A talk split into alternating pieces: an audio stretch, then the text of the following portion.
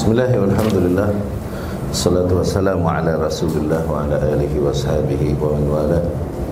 Ikhwati rahimakumullah sebagaimana dijanjikan Kita bahas kitab baru Mulai pada malam ini.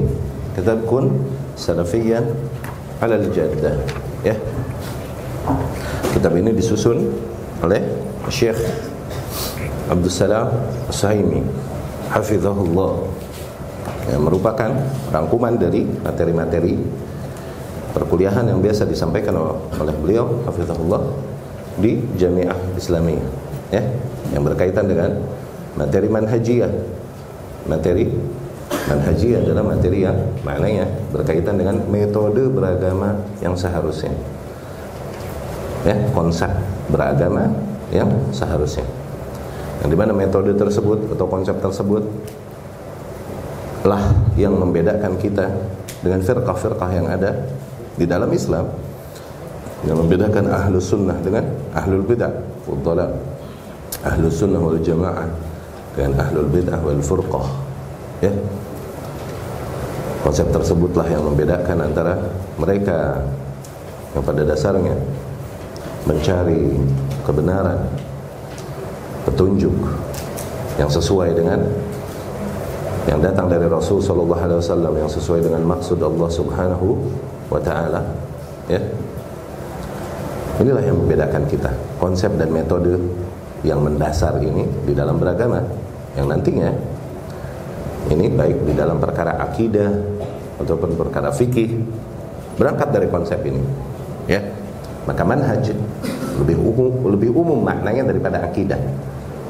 Manhaj ini pola fikir konsep metode atau pola fikir yang mendasari seseorang di dalam beragama. Nah, adapun akidah hanya berkaitan dengan perkara-perkara yang berkaitan dengan keyakinan fikih yang berkaitan dengan hukum. Nah, manhaj ini lebih mendasar daripada akidah. Ya. Nanti kita baca ke depan-depannya akan ada penjelasan tentang maknanya dan lain-lain. Namun sebelumnya seperti biasa kita baca dulu mukadimah dari penulis ya. Kemudian pembukaannya kemudian latar belakang penulisan seperti biasa agar kita pahami dengan baik isi risalah yang kita bawakan ini ya. Bismillahirrahmanirrahim. Kemudian Syekh Hafizahullah membuka kitabnya dengan khutbatul hajah seperti biasa. Hamidallah wa asna alaihi. Syekh memuji Allah dan menyanjung-nyanjungnya menyebutkan ayat-ayat yang menjadi pesan bagi kaum muslimin untuk bertakwa kepada Allah ya kemudian bersalawat dan salam atas Rasul sallallahu alaihi wasallam. Amma ba'd faqad ba'atha Allah nabiyahu Muhammadan sallallahu alaihi wasallam rahmatan linnas. Sungguh Allah telah mengutus nabinya Muhammad sallallahu alaihi wasallam sebagai bentuk rahmatnya bagi para kaum manusia. Allah menegaskan hal itu di dalam firman-Nya wa ma arsalnak illa rahmatan lil alamin Sungguh tidaklah kami utus kami utus engkau ya Muhammad kecuali sebagai bentuk rahmat gitu. Bentuk rahmat kami pada semesta alam. Wa ja'ala ummatahu ummatan wasata dan Allah menjadikan umatnya adalah umat yang wasata, yang di tengah, wasat. Ya, yang di tengah. Allah berfirman wa kadzalika ja'alnakum ummatan wasatan litakunu syuhada'a 'alan nasi wa yakuna ar-rasulu 'alaikum syahida. Dan demikianlah kami jadikan kalian umat yang di tengah. Kami jadikan kalian umat yang di tengah. Agar kalian menjadi saksi bagi para manusia dan agar Rasul pun kelak menjadi saksi atas kalian. Ya. Maknanya adalah di mana Allah Subhanahu wa taala menghendaki kebaikan dan keselamatan bagi umat manusia. Oke? Okay? Allah adalah zat yang di mana dia sendiri, Allah sendiri mensifati bahwa zatnya, dirinya dominan padanya sifat rahmat. Inna rahmati sabaqat ghadabi, inna rahmati ghalabat ghadabi. Eh, sesungguhnya rahmatku melampaui murkaku. Lihat, sifat rahmat ini dominan pada Allah Subhanahu wa taala. Maka dari situ di antara asma yang paling sering disebut dan bahkan digunakan untuk membuka setiap surat adalah asma Allah yang menegaskan keberadaan sifat rahmat padanya yaitu Rahman Rahim. Jadilah kita selalu membaca Bismillahirrahmanirrahim. Kenapa? Betapa dominannya sifat rahmat pada Allah Subhanahu wa taala. Berangkat dari rahmatnya inilah Allah ingin para makhluknya berada di atas jalan yang benar dan mendapatkan keselamatan. Demikian. Allah Subhanahu wa taala sunnahnya atas alam semesta sunnatullah idza arada syai'an hayya lahu asbaban Allah apabila menghendaki sesuatu Allah siapkan dulu sebab-sebab terjadinya hal tersebut Allah menginginkan hidayah bagi manusia Allah inginkan petunjuk bagi manusia Allah inginkan manusia mendapatkan keselamatan dan terjauhkan dari kecelakaan. Dari situ Allah turunkan hidayah bagi manusia. Dengan apa? dengan mengutus para nabi dan rasulnya yang membawakan bagi para manusia jalan yang hak yang membawakan mereka kepada keselamatan. Dan kemudian memperingatkan atas mereka jalan-jalan kebatilan. Fama min khairin illa wa qaddal ilaihi. Maka tidak ada satu bentuk kebaikan pun kecuali pasti Rasul telah mengajarkannya.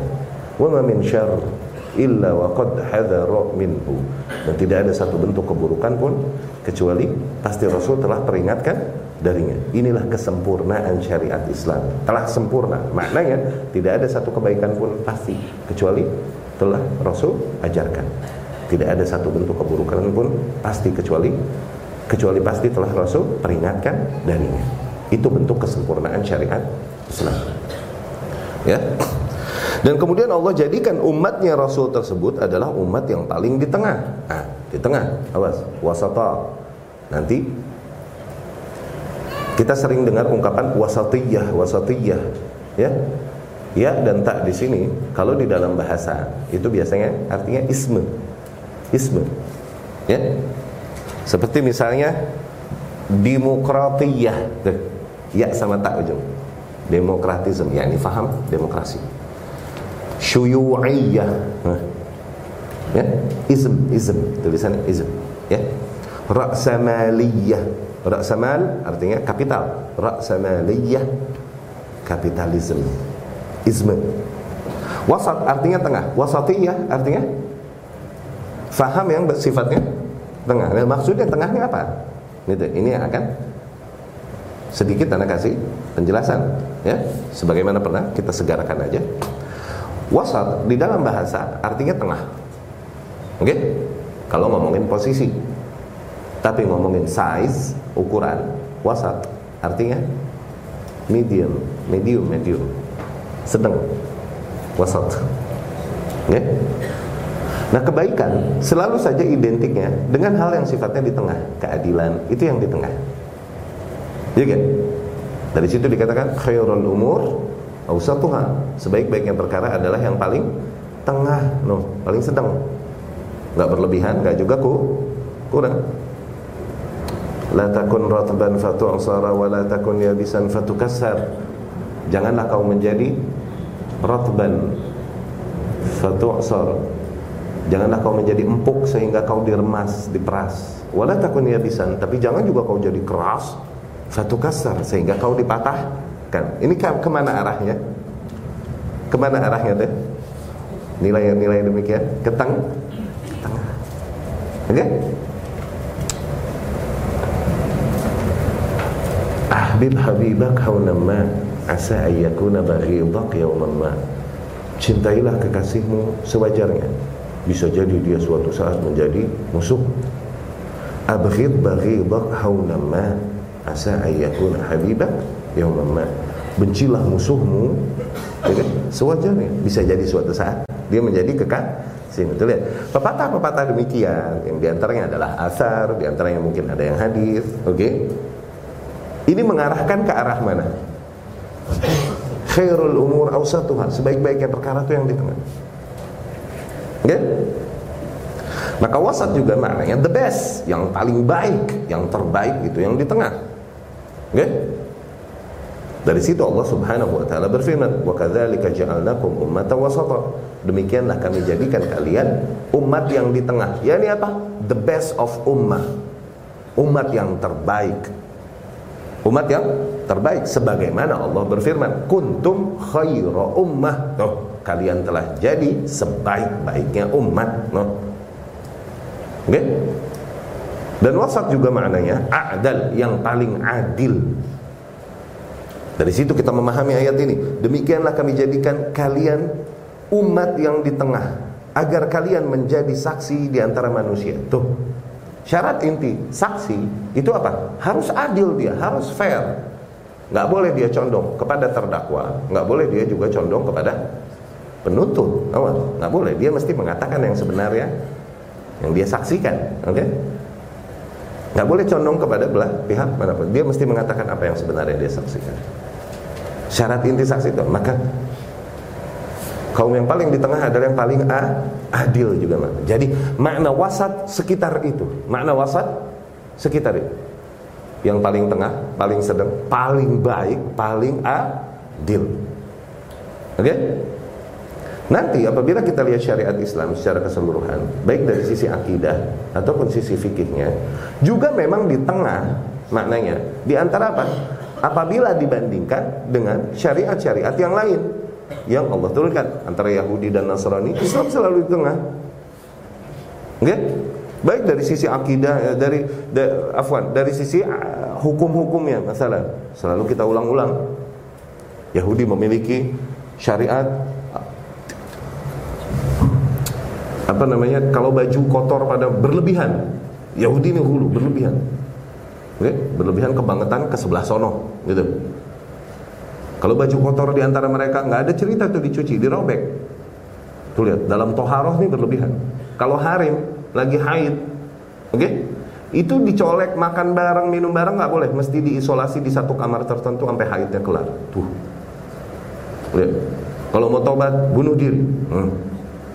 Berlebihan di dalam kesucian tuh berlebihan, baik kesucian fisik ataupun kesucian diri dari do. Lebih, nih syariatnya keras emang. Yahudi itu. Oke? Okay? Nasrani seberang satunya, kutub satunya nggak ada pada mereka syariat wudhu, mandi, junub itu nggak ada sama aja. Bahkan dia dikatakan bahwasanya diperbolehkan pada mereka seorang lelaki mensetubuhi wanita yang lagi haid. Tuh, bahkan segitu. Lihat maksudnya. Lihat dua kutub yang berseberang. Syariat Islam dengan nilai-nilai taharahnya di tengah. Baju kena najis, air Iya nggak?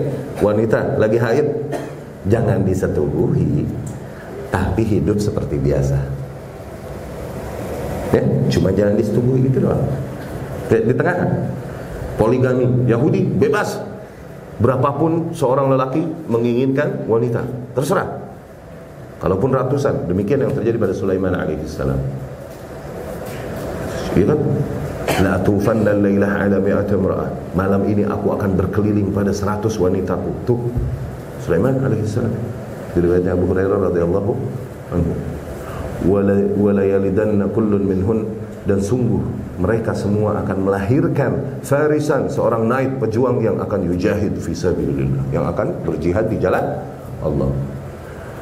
Qala lahu sahibu, "Kul insyaallah." Rasul bilang, sahibnya Sulaiman alaihi salam berkata kepadanya, "Bilang insyaallah wahai Sulaiman." Walam yaqul eh dia dia dia enggak bilang insyaallah.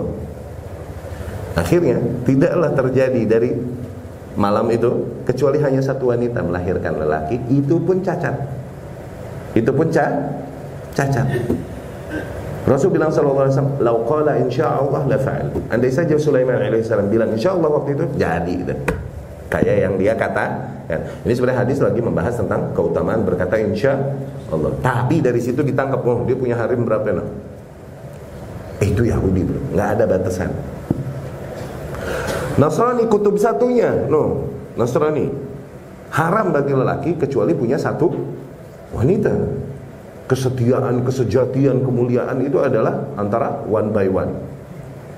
Selalu. Ketika seorang lelaki punya lebih dari wanita, lebih dari seorang wanita, maka keburukan, kemiringan, kedeskreditan itu pada ini. Pada bangsa Nasrani ini, pada kaum Nasrani. Nah, ide-ide mereka inilah yang tersebar melalui media-media yang ada dan akhirnya mendogma kaum muslimin. Akhirnya menjadi aib dan dideskreditkanlah ketika seorang lelaki memiliki lebih dari satu wanita. Tuh. Tuh lihat, nyebrang nggak? Dua kutub yang bertentangan nggak?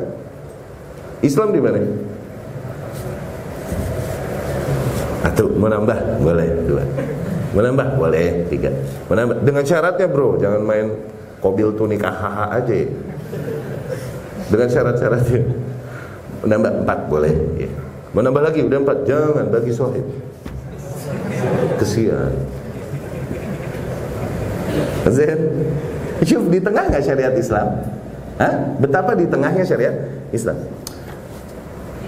Nanti ahlus sunnah juga di antara firqoh-firqoh yang ada sangat di tengah selalu di dalam akidah, ya, di dalam iman, di dalam uh, uh, apa namanya amal, kemudian di dalam apa namanya di dalam mengimani qadar, di dalam di dalam itu selalu di tengah sifatnya. Nah, di tengah ini sifatnya selalu proporsional maknanya, tepat pada pasif. Maka dari situ sering kali kami ungkapkan makna wasatiyah proporsionalitas syariat Islam. Untuk melihat lebih lanjut keterangannya, lihat kajian kami yang berjudul Proporsionalitas Syariat Islam. Proporsionalitas Syariat Islam. Islam di tengah. Di dalam iman antara takfir dengan irja. Dan khawarij dengan murji'ah. Iman naik turun, kaum amal sebagaimana kalian tahu. Ya kan? di dalam mentaati penguasa di tengah antara khawarij ya kan yang tidaklah ada satu penguasa pun kecuali pasti mereka celah-celah mereka maki-maki dan ujungnya mereka berontak kepadanya jangankan kita jangankan penguasa yang ada sekarang rasul dikritik bilang eh deal berbuat adil lah rasul no digituin apalagi yang sekarang khawarij Okay? Mereka bilang penguasa yang adil, penguasa nggak ada, nggak bakalan ada yang adil. Kenapa? Kalaupun Rasul yang memimpin akan mereka tuduh dengan kezaliman. Demikian pun Utsman bin Affan, demikian pun Ali bin Abi Thalib. Dituduh dengan kezaliman. Ini khawarij menghalalkan pencelaan dan pemberontakan kepada penguasa. Kutub sah, satunya. Kutub satunya apa? Ya? Rafidah. Yang di mana penguasa-penguasa dan imam-imam mereka ini mereka anggap suci, titisan dan lain-lain begitu. Ya kan? Islam di mana? Di tengah. Manusia manusia. Salah penguasa salah, cuman menyikapinya sesuai dengan dhawabit syariah. Justru dengan mencelahnya dan memakinya, ya kan? Malah membuat keadaannya semakin memburuk. Ya kan? Dan kemudian juga dengan mencelanya dan memakinya, kita mencela dan memaki takdir Allah Subhanahu wa taala yang merupakan bentuk keadilan Allah Subhanahu wa taala Allah Maha Adil. Allah tentukan penguasa-penguasa yang sesuai bagi rakyatnya. Allah Maha Adil. Muncullah penguasa zalim atas rakyat yang zalim. Selalu kita ulang-ulang demikian, ya. Tidaklah Allah jadikan seekor tikus pemimpin gerombolan singa. Kagak mantas kalaupun di film cemen. Begitu juga seekor singa pemimpin gerombolan tikus kagak mantas, sumpah. Ya, Allah Maha Adil. Ketika nggak sesuai dengan selera kita dan kemudian kita memaki-makinya, kita memaki-maki keadilan Allah Maka apa yang harus kita lakukan? Bersabar dan berdoa untuk kebaikan. Melakukan kebaikan dan perbaikan dengan cara yang diperintahkan syariat. Allah wajibkan mentaati dan menghormati penguasa syar'an wa qadaran. Dari sisi syariatnya, demikian hukumnya. Dari sisi takdir kauninya, demikian keadilan Allah atas manusia. Semakin kita celah, semakin buruk kondisi penguasa kita. Lihat, betapa kita ditang Nah, ahlu sunnah di tengah juga di antara firqah-firqah yang ada. Ya, ini makna wasat secara sing secara singkat. Kita teruskan. Wa kadzalika ja'alnakum ummatan wasata. Demikianlah kami jadikan kalian umat yang di tengah, litakunu syuhada 'alan nas, agar kalian menjadi saksi bagi para manusia wa yakuna rasulu 'alaikum syahida dan kelak rasul pun menjadi saksi atas kalian. Ayudulan. Tuh. Maknanya adalah adil. Nah, yakni umat wasata, ummah adilah. Umat yang paling di tengah adalah umat yang paling fair. Adil. Ya. La yamilun 'anil haq. Mereka tak akan condong dari yakni condong dari yang hak, condong dari terjauh, terjauhkan. Ya. La ila hulu wa la ila jafa, enggak ke kutub kanan, enggak ke kutub kiri. Tidak kepada hulu berlebihan, tidak kepada jafa Ya. Bal yatawassatun, mereka selalu di tengah wa ya'tadilun. Ya. Idh dinul Islam qad naha 'anil ghulu wal jafaa'a wa amara bit tawassuti wal i'tidali fil umuri kulliha. Wa inna min abrazi simati hadha ad-din al-'adlu wal insaf wa 'adamu adh-dhulmi wal hukmi bil qistasil mustaqim. Ya. Demikianlah memang syariat Islam telah melarang sifat berlebihan hulu ataupun mengurang-urangi tuh kebangetan ya selalu dianjurkan dan diarahkan ke tengah ya. Dikarenakan demikianlah ciri-ciri inti syariat Islam yaitu apa? Wasat di tengah adil. Ya kan? Insaf wise insaf artinya wise bijak. Ya? Demikianlah ciri-ciri nilai-nilai syariat umum syariat Islam وإن خير من يمثل الوسطية في الأقوال والأعمال والمعتقدات الوسطية التي جاء بها الإسلام خير من يمثلها هم أهل السنة والجماعة. Dan sesungguhnya sebalik baik sebaik-baiknya kaum yang mempraktekkan nilai makna wasatiyah tadi yang kita bahas. Oke? Okay?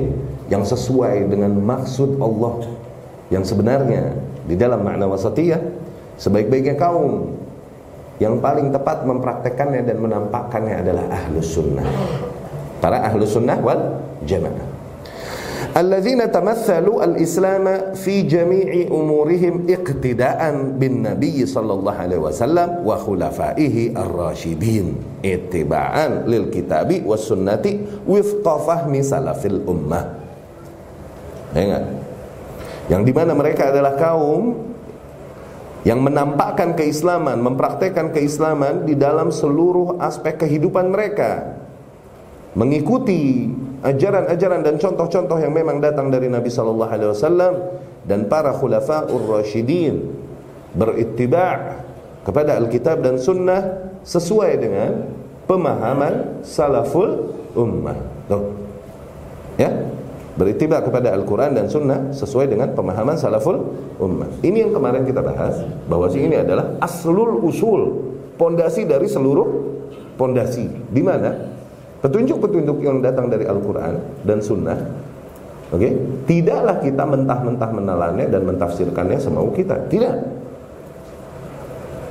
Ahlu Sunnah Petunjuk-petunjuk, nilai-nilai semua yang datang dibawakan oleh Al-Quran dan Sunnah Kita hanya memahaminya dan apa dua rukunnya? Memahami dan mempraktekannya. Tuh. Hanya sesuai dengan petunjuk yang datang dari para salafus saleh. Tuh. Ada yang bilang memahaminya doang seperti sini. Ketika disebutkan memahami, mencakup makna mempraktekkan. Maksudnya begitu. Ya. Ini adalah aslul usul, pondasi yang paling pondasional. Nanti semua setiap poin agama Baik yang berkaitan dengan akidah Ataupun ibadah atau apa pun Itu berangkat dari konsep dan metode ini. Di mana? Nilai-nilai petunjuk Yang datang dari Al-Quran dan Sunnah Kita mencernanya Memahaminya dan mempraktekannya Sesuai dengan pemahaman dan pempraktek, pem, apa, praktek yang datang. Contohnya dari salafus Ini titik pembeda inti antara kita dengan mereka Sampailah kita kepada perbedaan dalam banyak poin-poin akidah dan banyak poin-poin ibadah berangkat dari perbedaan konsep awal ini, pondasi yang pondasional ini. Ya, itu yang disebut aslul usul. Usul dari segala usul. Tuh.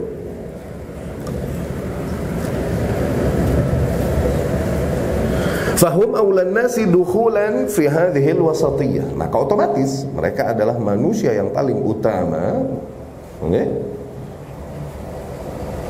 manusia yang paling utama, manusia-manusia yang yang paling berhak untuk menyandang gelar wasatiyah. Bahwa mereka adalah kaum yang di tengah, kaum yang wasat, ya. Di sini Syekh Hafizahullah berkata, wasatiyah yang dimaksud adalah wasatiyah allati jahabi al-Islam. Wasatiyah yang dimaksud adalah wasatiyah sebagaimana datang dibawakan oleh Islam yang sesungguhnya. Kenapa Syekh menegaskan poin ini di situ? Oke. Okay? Karena ada kaum lain yang mengaku bahwa mereka di atas wasati wasatiyah, awas, mengaku mereka di atas wasatiyah, tapi maknanya adalah mereka menengahi antara kebatilan dan hak. Nah, ini mah keliru. Di mana mereka nggak mau mengambil barisan hak dan mengingkari yang batil, tuh. Mereka ngambil di tengah-tengah cari damai-damai aja buat mereka itu wasatiyah. Itu ngaco. Bukan itu. Kalau urusannya hak sama batil, jangan sok-sokan cari di tengah ente. Ambil barisan yang hak, awas. Nggak boleh. Oke? Ya, ini amalan tersebut apa cara ritual tersebut yang dilakukan oleh kaum kita bid'ah. Sebagian kaum mengingkarinya, nah itu bid'ah, Anda nggak mau ikut. Sebagian kaum menyeru kepadanya melakukan hal tersebut. Anda mau di tengah. Anda hadir aja tapi nggak ikutan baca. Itu bahlul. Nggak jelas mana barisan hak atau batil yang kau ambil. Bukan itu yang dimaksud wasatiyah itu bukan. Nggak ke situ maknanya. Wasatiyah ini bukan bainal hak wal batil. Kalau bainal hak wal batil jangan cerita di tengah, ambil barisan. Ini kenapa Syekh mengulang dan menegaskan bahwa wasatiyah yang dimaksud adalah wasatiyah eh? as the Prophet sallallahu alaihi wasallam came with it sebagaimana Nabi sallallahu alaihi wasallam datang dengan ini ajaran yang murni yang datang dari Rasulullah sallallahu alaihi wasallam. Mereka adalah manusia yang paling berhak untuk menyandang gelar tersebut. Wa inna kulla ma'nan min ma'anil wasatiyah thabat li hadhihi ummah. Karena sesungguhnya semua makna wasatiyah ya kan terdapat di dalam umat tersebut. Fali ahli sunnah wal jamaah minhul hazzul awfar. Pastilah nilai yang paling dominan ya, terdapat pada golongan ahlu sunnah wal jamaah wa madzaka illa li'annahum al-anmudhaj al-amthal lil ummah allati ja'alaha Allah ummatan wasata kenapa demikian Dikarenakan para ahlu sunnah adalah tauladan-tauladan yang paling ideal bagi umat yang memang Allah subhanahu wa ta'ala jadikan sebagai umat yang di tengah. Wa akhbara annaha khaira ummah. Sebagaimana Allah kabarkan bahwasanya umat tersebut adalah sebaik-baiknya umat ukhrijat linnas yang dijadikan di antara manusia idhum at-ta'ifah al-wahidah allati haqqaqatil mutaba'ata al-mahdata li kitabillah azza wa jalla wa sunnati rasulih sallallahu alaihi wasallam dikarenakan juga ahlu sunnah adalah satu-satunya kelompok yang di mana mereka merealisasikan makna ittiba yang sebenarnya. Makna bertauladan yang sesungguhnya yang tepat kepada Rasulullah sallallahu alaihi wasallam kepada kitabullah dan sunnah Rasul sallallahu alaihi wasallam. Berbeda dengan kelompok-kelompok lain di antara firaq wa dhaif di antara firqah-firqah dan kelompok-kelompok yang masih di dalam tubuh umat Islam. Syuf, dari sini jelas. Ini sebuah kaum bisa jadi mengkhilafi kita di dalam konsepnya, di dalam metodenya, mengkhilafi ahlu sunnah. Tapi tidak kita mengatakan bahwa mereka keluar dari Islam. Awas. Ya, karena Rasulullah SAW masih berkata, min ummati dari golongan umatku. Ya. ya. Ini akan terpecah umatku. Tuh, berarti masih umat. Jadi 73 golongan. Oh. Ini masih di dalam frame sebagai umatku. Tidaklah perbedaan konsep metode demikian membuat kita menghukumi orang lain okay? keluar dari keislamannya jadi non muslim entar dulu berat itu urusannya takfir mah tapi bukan berarti diam juga atas kekeliruannya. Enggak keliru keliru. Tapi enggak sampai titik takfir atau tasyrik. Kecuali atas mereka yang memang udah berhak untuk kena takfir dan tasyrik. Tapi itu urusan ulama-ulama besar ya. Nggak demikian. Yang menjadi urusan para penuntut ilmu dan awamul muslimin. Bukan itu ya Berbeda dengan kelompok-kelompok lain di antara kelompok-kelompok umat ini fa innahu ma min firqatin wala ta'ifatin illa walaha minal aqwali wal i'tiqadati ma yukhalifu kitab Allah wa sunnata rasulih sallallahu alaihi wasallam. Dikarenakan tidaklah satu kelompok pun atau satu sekte pun ya kan yang ada di dalam umat ini kecuali pasti mereka memiliki kebiasaan-kebiasaan atau perkataan-perkataan atau bentuk-bentuk keyakinan yang bertentangan dengan apa yang datang dari kitabullah dan sunnah Rasul sallallahu alaihi wasallam. Syekhul Islam rahimahullah berkata, "Wal haqqul khalis alladhi la fihi ma' ahli sunnah wal jamaah." Sesungguhnya hak yang murni yang sama sekali tidak ada kebatilan di dalamnya ada pada para ahlu sunnah wal jamaah wa hadha ma'ruf ini hal yang sangat diketahui. Bitatabbu' fi kathirin minal aqaidi wal usul. Berdasarkan penelitian pada akidah-akidah dan usul-usul tiap-tiap kelompok yang ada. Ya unzur tariqal usul ila ilmil ma'mun lidzalika kana ahlu sunnah khairu firaqin. Maka dari eh, khairu firaqin. Maka dari situ ahlu sunnah adalah sebaik-baiknya kelompok hadhil ummah dari umat ini wa awsatu tawaifiha dan kelompok yang paling di tengah di antara kelompok-kelompok yang ada di dalam umat ini. Fahumut taifah al-mansurah. Mereka itulah yang dimaksud dengan kelompok yang mansurah yang dimenangkan ya yang diselamatkan. Al-firqah an-najiyah. Kelompok yang diselamatkan. Wahum kama qala Syekhul Islam dan mereka sebagaimana yang juga dikatakan Syekhul Islam Ibn Taimiyah rahimahullah wasatun fin nihali kama anna millatul islami kama anna millatal islami wasatun fil milali. Mereka para ahlu sunnah mereka berada di tengah di antara mazhab-mazhab kelompok-kelompok yang ada sebagaimana agama Islam berada di tengah di antara agama-agama yang lain. Ya Wa minal ma'lum anna ahla sunnah wal jamaah hum ashabu Rasulillah sallallahu alaihi wasallam. Ya, sebagaimana diketahui dan disepakati oleh umat bahwasanya yang pertama, ahlu sunnah itu adalah para sahabat Rasulullah sallallahu alaihi wasallam. Yani siapa yang berani mengatakan bahwa para sahabat Rasul itu bukan ahlu sunnah? Kelompok mana pun pasti menyepakati bahwa sahabat adalah ahlus sunnah. Itu dulu. Oke? Okay? Itu dulu. Kecuali Rafidah, udah Rafidah mah kita nggak hitung deh, ya. Rafidah yang mengkafirkan para sahabat Rasul Sallallahu Alaihi Wasallam kecuali enam atau tujuh orang di antara mereka. Itu sih udah nggak kita hitung hilaf, udah. Itu hitungannya ya ubur-ubur, ikan sapu-sapu. Yang bangsa kalau dapat dibuang. Rafidah, nggak dihitung. Oke? Okay?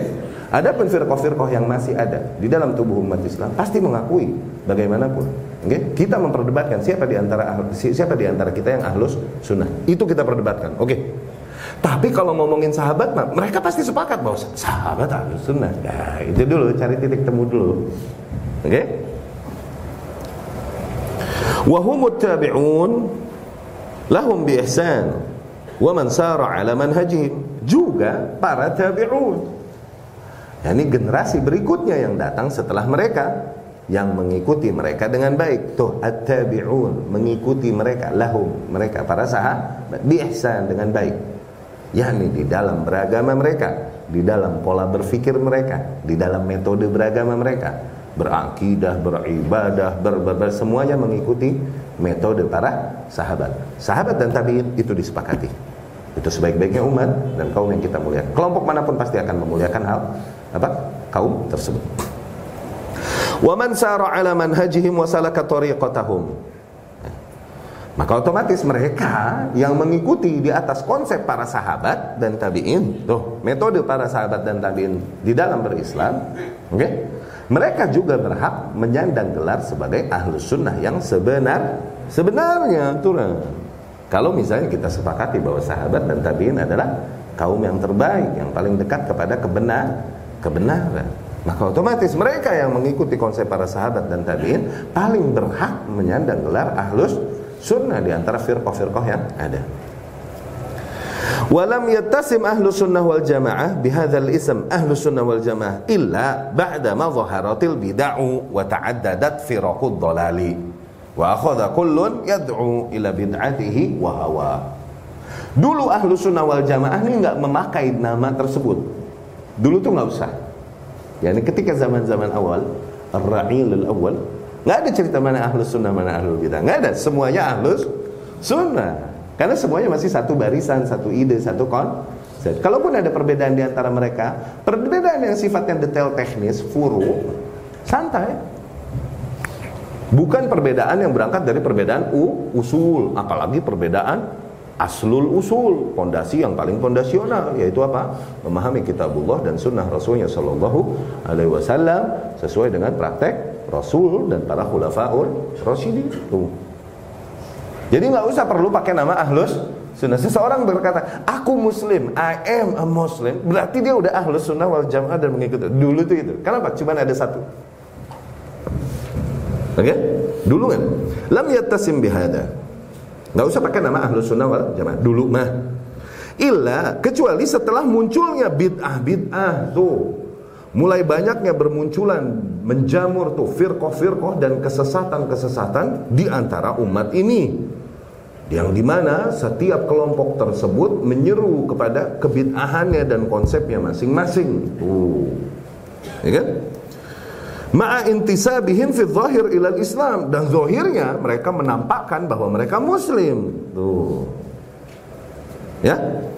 Min huna kana la budda li ahli al-haqqi ay ya'rifu bi asma'a tumayyizuhum an ghairihim. Maka dari situ maka haruslah para ahlul haq ayyu'rafu untuk diketahui dikenal dengan nama-nama dengan alamat-alamat ciri-ciri yang membedakan mereka dari kelompok-kelompok yang lain tuh karena udah mulai kondisi menuntut hal tersebut karena mulai mulai muncul yang macam-macam. Tadinya cuma semacam gitu. Ya. Mereka membutuhkan ciri-ciri tersendiri, nama tersendiri yang membedakan mereka dari kelompok yang lain min ahlil ibtida' dari golongan ahli bid'ah wal inhiraf dan kelompok-kelompok yang menyimpang. Fil akidah baik di dalam urusan akidah fa hina idzin asma'uhum asyariyah maka pada saat kondisi demikian mulai terjadi muncullah nama-nama syar'i mereka dipopulerkan oleh para ulama dan imam. Oleh para tabi'in bahkan.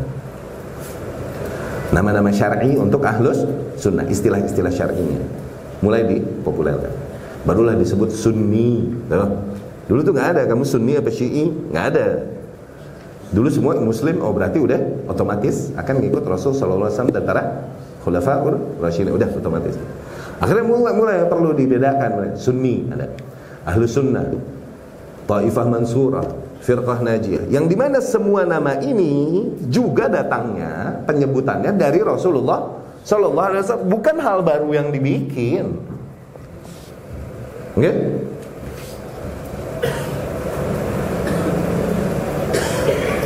Famin asma'ihim di antara nama-nama mereka, yakni di antara nama-nama ahlus sunnah tuh ahlus sunnah, sunni, ahlus sunnah wal jamaah, al firqah an najiyah tuh, taifah mansurah, ya kan? Atau ahlul hadis wal athar. Zain Ibnu Sirin rahimahullah bercerita. Ibnu Sirin tabi'in. Zain tabi'in ya. Dia bercerita ini terjadi di masa-masanya atau sebelum masanya sedikit lam yakunu yas'aluna 'anil isnad. Dulu para kaum muslimin kalau dibilang Rasul sallallahu alaihi wasallam bilang itu nggak ditanya sanadnya siapa. Dulu itu nggak begitu. Kenapa? Semuanya amanah insya Allah, semuanya muslim. Dan nggak ada ahli bidah yang membawakan kabar dan riwayat. Dulu itu bilang ada. Murni semuanya, ajib. Nggak mesti seseorang ribet-ribet mencari hak yang ada. Mereka lahir dan tumbuh besar pasti di lingkungan yang udah otomatis di atas hak.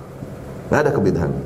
Sehingga mereka nggak peduli, maksudnya nggak perlu repot-repot untuk meneliti sah, sanad. Apakah ada ahli bid'ah dan pendusta yang meriwayatkan hadis ini? Nggak nggak perlu. Lam yakunu yas'aluna 'anil isnad. Dulu mereka kagak nanya-nanya tentang masalah sanad, yakni periwayatan hadis. Ini di mukaddimah Sahih Muslim rahimahullah ada riwayatnya dari Ibn Sirin rahimahullah. Falamma waqa'atil fitnatu dan ketika mulai terjadi fitnah Oh, mulai terjadi fitnah. Fitnah ini apa di sini? Apa? Fitnah di sini fitnah apa? Qatlu Utsman. Terbunuhnya Utsman bin Affan. Ah, sorry, mulai terbunuhnya Umar bin Khattab radhiyallahu anhu. Karena yang memisahkan antara umat Islam dan keamanan, oke? Okay? Dengan fitnah yang akan menyerangnya itu Umar. Umar itu pintu pemisah antara fitnah dan aman didobraknya Umar yakni dibunuh. Sebagaimana Rasul sallallahu alaihi wasallam sebelum terjadi terjadi. Tentunya berdasarkan wah wahyu. Terbunuhnya Umar mulai masuk fitnah ke tubuh umat Islam. Dimulai fitnah itu mulai triggernya trigger awalnya setelah terbunuhnya Umar bin Khattab radhiyallahu anhu. Mulai sampai mejehna oke? Okay? mulai sampai rame-ramenya adalah ketika ada demonstrasi kepada Utsman yang berakhir dengan penggulingannya kemudian pembunuhannya. Tuh itu tuh fitnah. Oke? Okay? di mana mereka dari awal digerakkan oleh Abdullah bin Sabah dan lain-lain. Dari awal digerakkan dulu. Dari dari luar kota Madinah tuh. Yang diprovokasi ini orang-orang yang di luar kota Madinah. Bergerak ke tempat Utsman untuk apa? Untuk menentang kebijakan beberapa kebijakan Utsman. Nggak ada cerita mereka niat membunuh.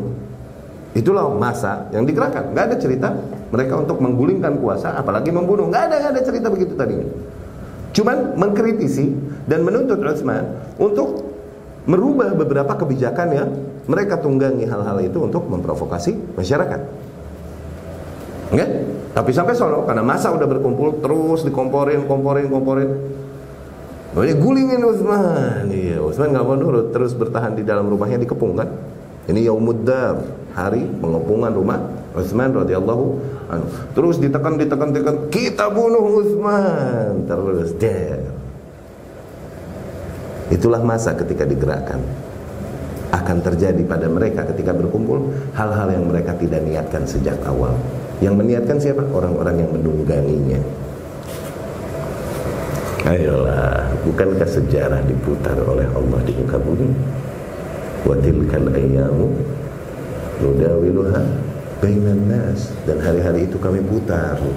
Di antara Ketika terjadi fitnah demikian, mulailah tersebar Oke, okay?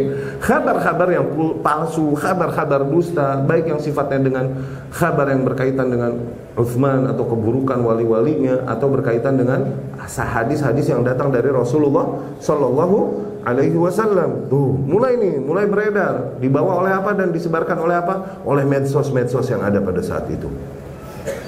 Oke, okay? dulu belum ada internet, tapi berita sudah mulai bisa ditunggangi oleh Yahudi pada saat itu. Abdullah bin Sabah dan lain-lain. Nah eh, ketika mulai terjadi dan tersebarnya keburukan ini apalagi terbunuhnya Uthman kemudian terjadi peperangan antara beberapa kelompok kaum muslimin antara Ali bin Abi Thalib radhiyallahu anhu dan kemudian Muawiyah bin Abi Sufyan radhiyallahu anhum dan mereka masing-masing berijtihad. Ini ada yang manas-manasin kelompok lain nih dengan apa menjadikan hadis-hadis dan lain-lain untuk melebihkan yang satu dan menjatuhkan yang lain. Gitu. Ketika fitnah ini mulai terjadi, barulah kalau ada orang yang ngomong hadasana mengabarkan hadis dan lain-lain imtaddat ilaihi a'naquna wa asghat ilaihi asma'una barulah kita ngulurin mengulurkan leher kita dan mulai menajamkan pendengaran kita apa itu hadis Rasul yang disebut oke okay?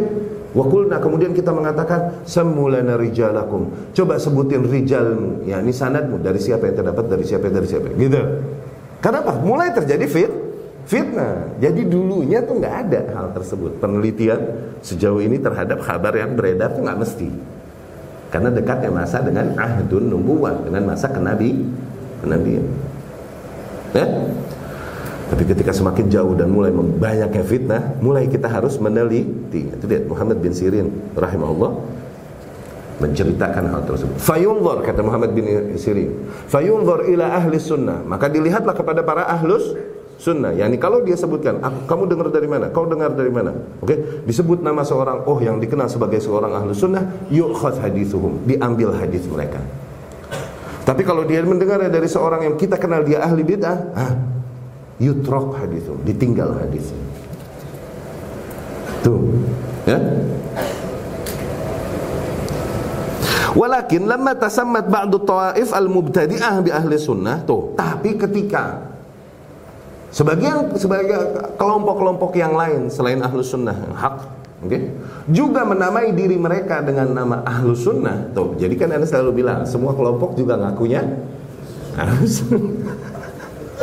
Kelompok-kelompok yang lain pun menamai dirinya ahlus sunnah. Wahum laisu ala mu'taqad ahli sunnah padahal mereka tidak sesuai di dalam berakidah mungkin dengan akidahnya ahlus sunnah wal jamaah min huna maka dari situ tasama ahlu sunnah wal jamaah tuh ketika semakin ke sini sininya zaman Para kelompok ahli bid'ah pun semakin pede dan mensyiarkan bahwa mereka adalah para ahlus sunnah juga. Akhirnya perlulah para ahlus sunnah memberikan nama lagi yang lebih spesifik untuk membedakan mereka dengan kelompok ahli bid'ah yang lain. Nah dari sini mereka menggunakan nama salafiyah, salafiyin. Dari situ dasar penggunaan. Kenapa digunakan istilah atau terminologi salafiyah?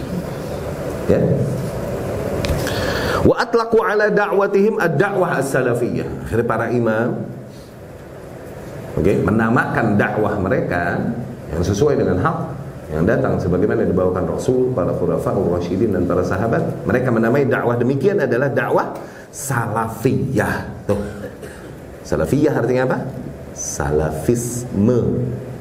Ya, salaf artinya secara bahasa lampau. Adapun yang dimaksud dengan salaf secara istilah adalah itu para sahabat dan tabi'in. Sebaik-baiknya generasi tersebut. Ya.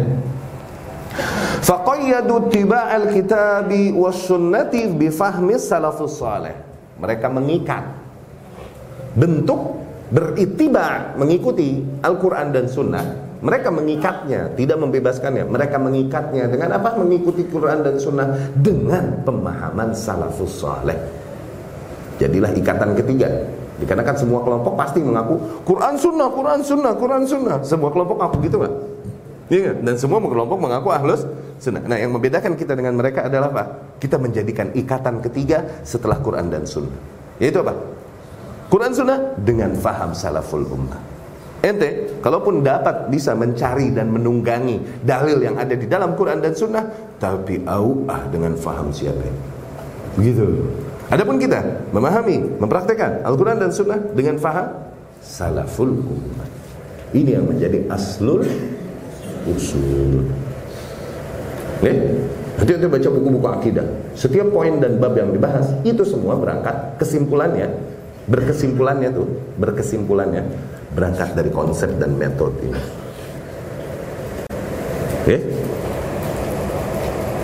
Min as-sahaba wa tabi'in wa man tabi'ahum bi ihsan mimman urifa bitamassukihi bisunnah ya mengikat pemahaman mengikat bentuk mengikuti mereka kepada Al-Quran dan Sunnah itu dengan pemahaman salafus saleh baik dari golongan sahabat tabi'in atau mereka yang mengikuti para sahabat dan tabi'in di dalam metode beragamanya? Bi ihsan dengan baik.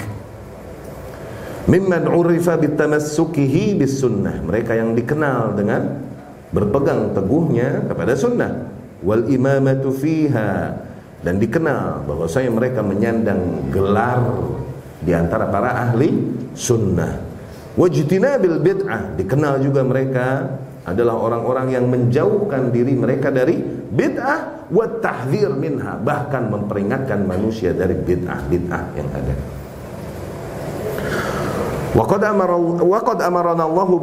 sahabah wa iqtifa' atharihim wa suluk manhajihim. Allah telah memerintahkan kita untuk mengikuti para sahabat bukan? Dan mengikuti jejak-jejak mereka dan mengikuti konsep dan metode mereka. Qala ta'ala Allah berfirman wattabi' sabila man anaba ilayya dan ikutilah jalan orang-orang yang anaba ilayya yang kembali padaku. Oke? Okay? Nah Ibnu Qayyim rahimahullah mentafsirkan ayat tersebut berkata wa kullun minas sahabati munib dan semua di antara para sahabat itu kembali mereka kepada Allah. Jadi maksudnya ikutilah jalan-jalan. Oh jalan orang-orang yang kembali kepadaku yakni ikutilah jalan para sahabat. Ya. Fayajibut tiba fayajibut tiba usabilihi. Maka wajiblah mengikuti jalannya para sahabat. Wa aqwalihi perkataan-perkataannya. Wa atiqadatihi dan akidah-akidahnya. Min akbar sabilih wa dalil ala annahum munibun maka mereka yang mengikuti jalan tersebut adalah ciri-ciri bahwasanya mereka termasuk orang yang kembali kepada Allah Subhanahu wa taala bahwa dan bahwasanya itu juga ciri bukti bahwasanya Allah telah memberikan hidayah kepada mereka. Allah berfirman, "Wa yahdi ilaihi mayyunib." Dan Allah memberikan hidayah kepadanya bagi orang-orang yang kembali kepadanya ya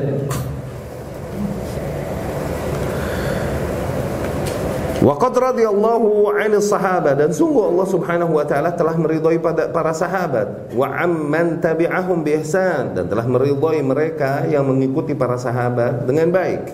Allah berfirman, والسابقون الأولون من المهاجرين والأنصار والذين اتبعوهم بإحسان para golongan sabiqun al-awwalun para pendahulu di dalam Islam baik dari golongan muhajirin ataupun ansar para sahabat. Siapa muhajirin dan ansar para sahabat. Ya? Walladzina tabauhum biihsan dan juga orang-orang yang mengikuti mereka dengan baik. Yakni mengikuti para muhajirin dan ansar di dalam beragama. Dalam berakidah, beribadah, berkata, berbuat, gitu. Radhiyallahu anhum itulah orang-orang yang Allah ridho kepada mereka wa radu anhu dan hakikatnya mereka pun emang beneran ridho kepada Allah. Wa a'adda lahum jannatin tajri tahtaha al-anhar dan sungguh Allah telah persiapkan bagi mereka kelak ini bagi para muhajirin, para ansar dan orang-orang yang mengikuti metode kaum muhajirin dan ansar di dalam beragama. Tidak. Allah telah persiapkan bagi mereka kelak surga yang mengalir di bawahnya sungai khalidina fiha abada. Kelak mereka abadi di dalamnya. Dzalikal fauzul azim. Itulah kemenangan yang agung hakikatnya. Ya.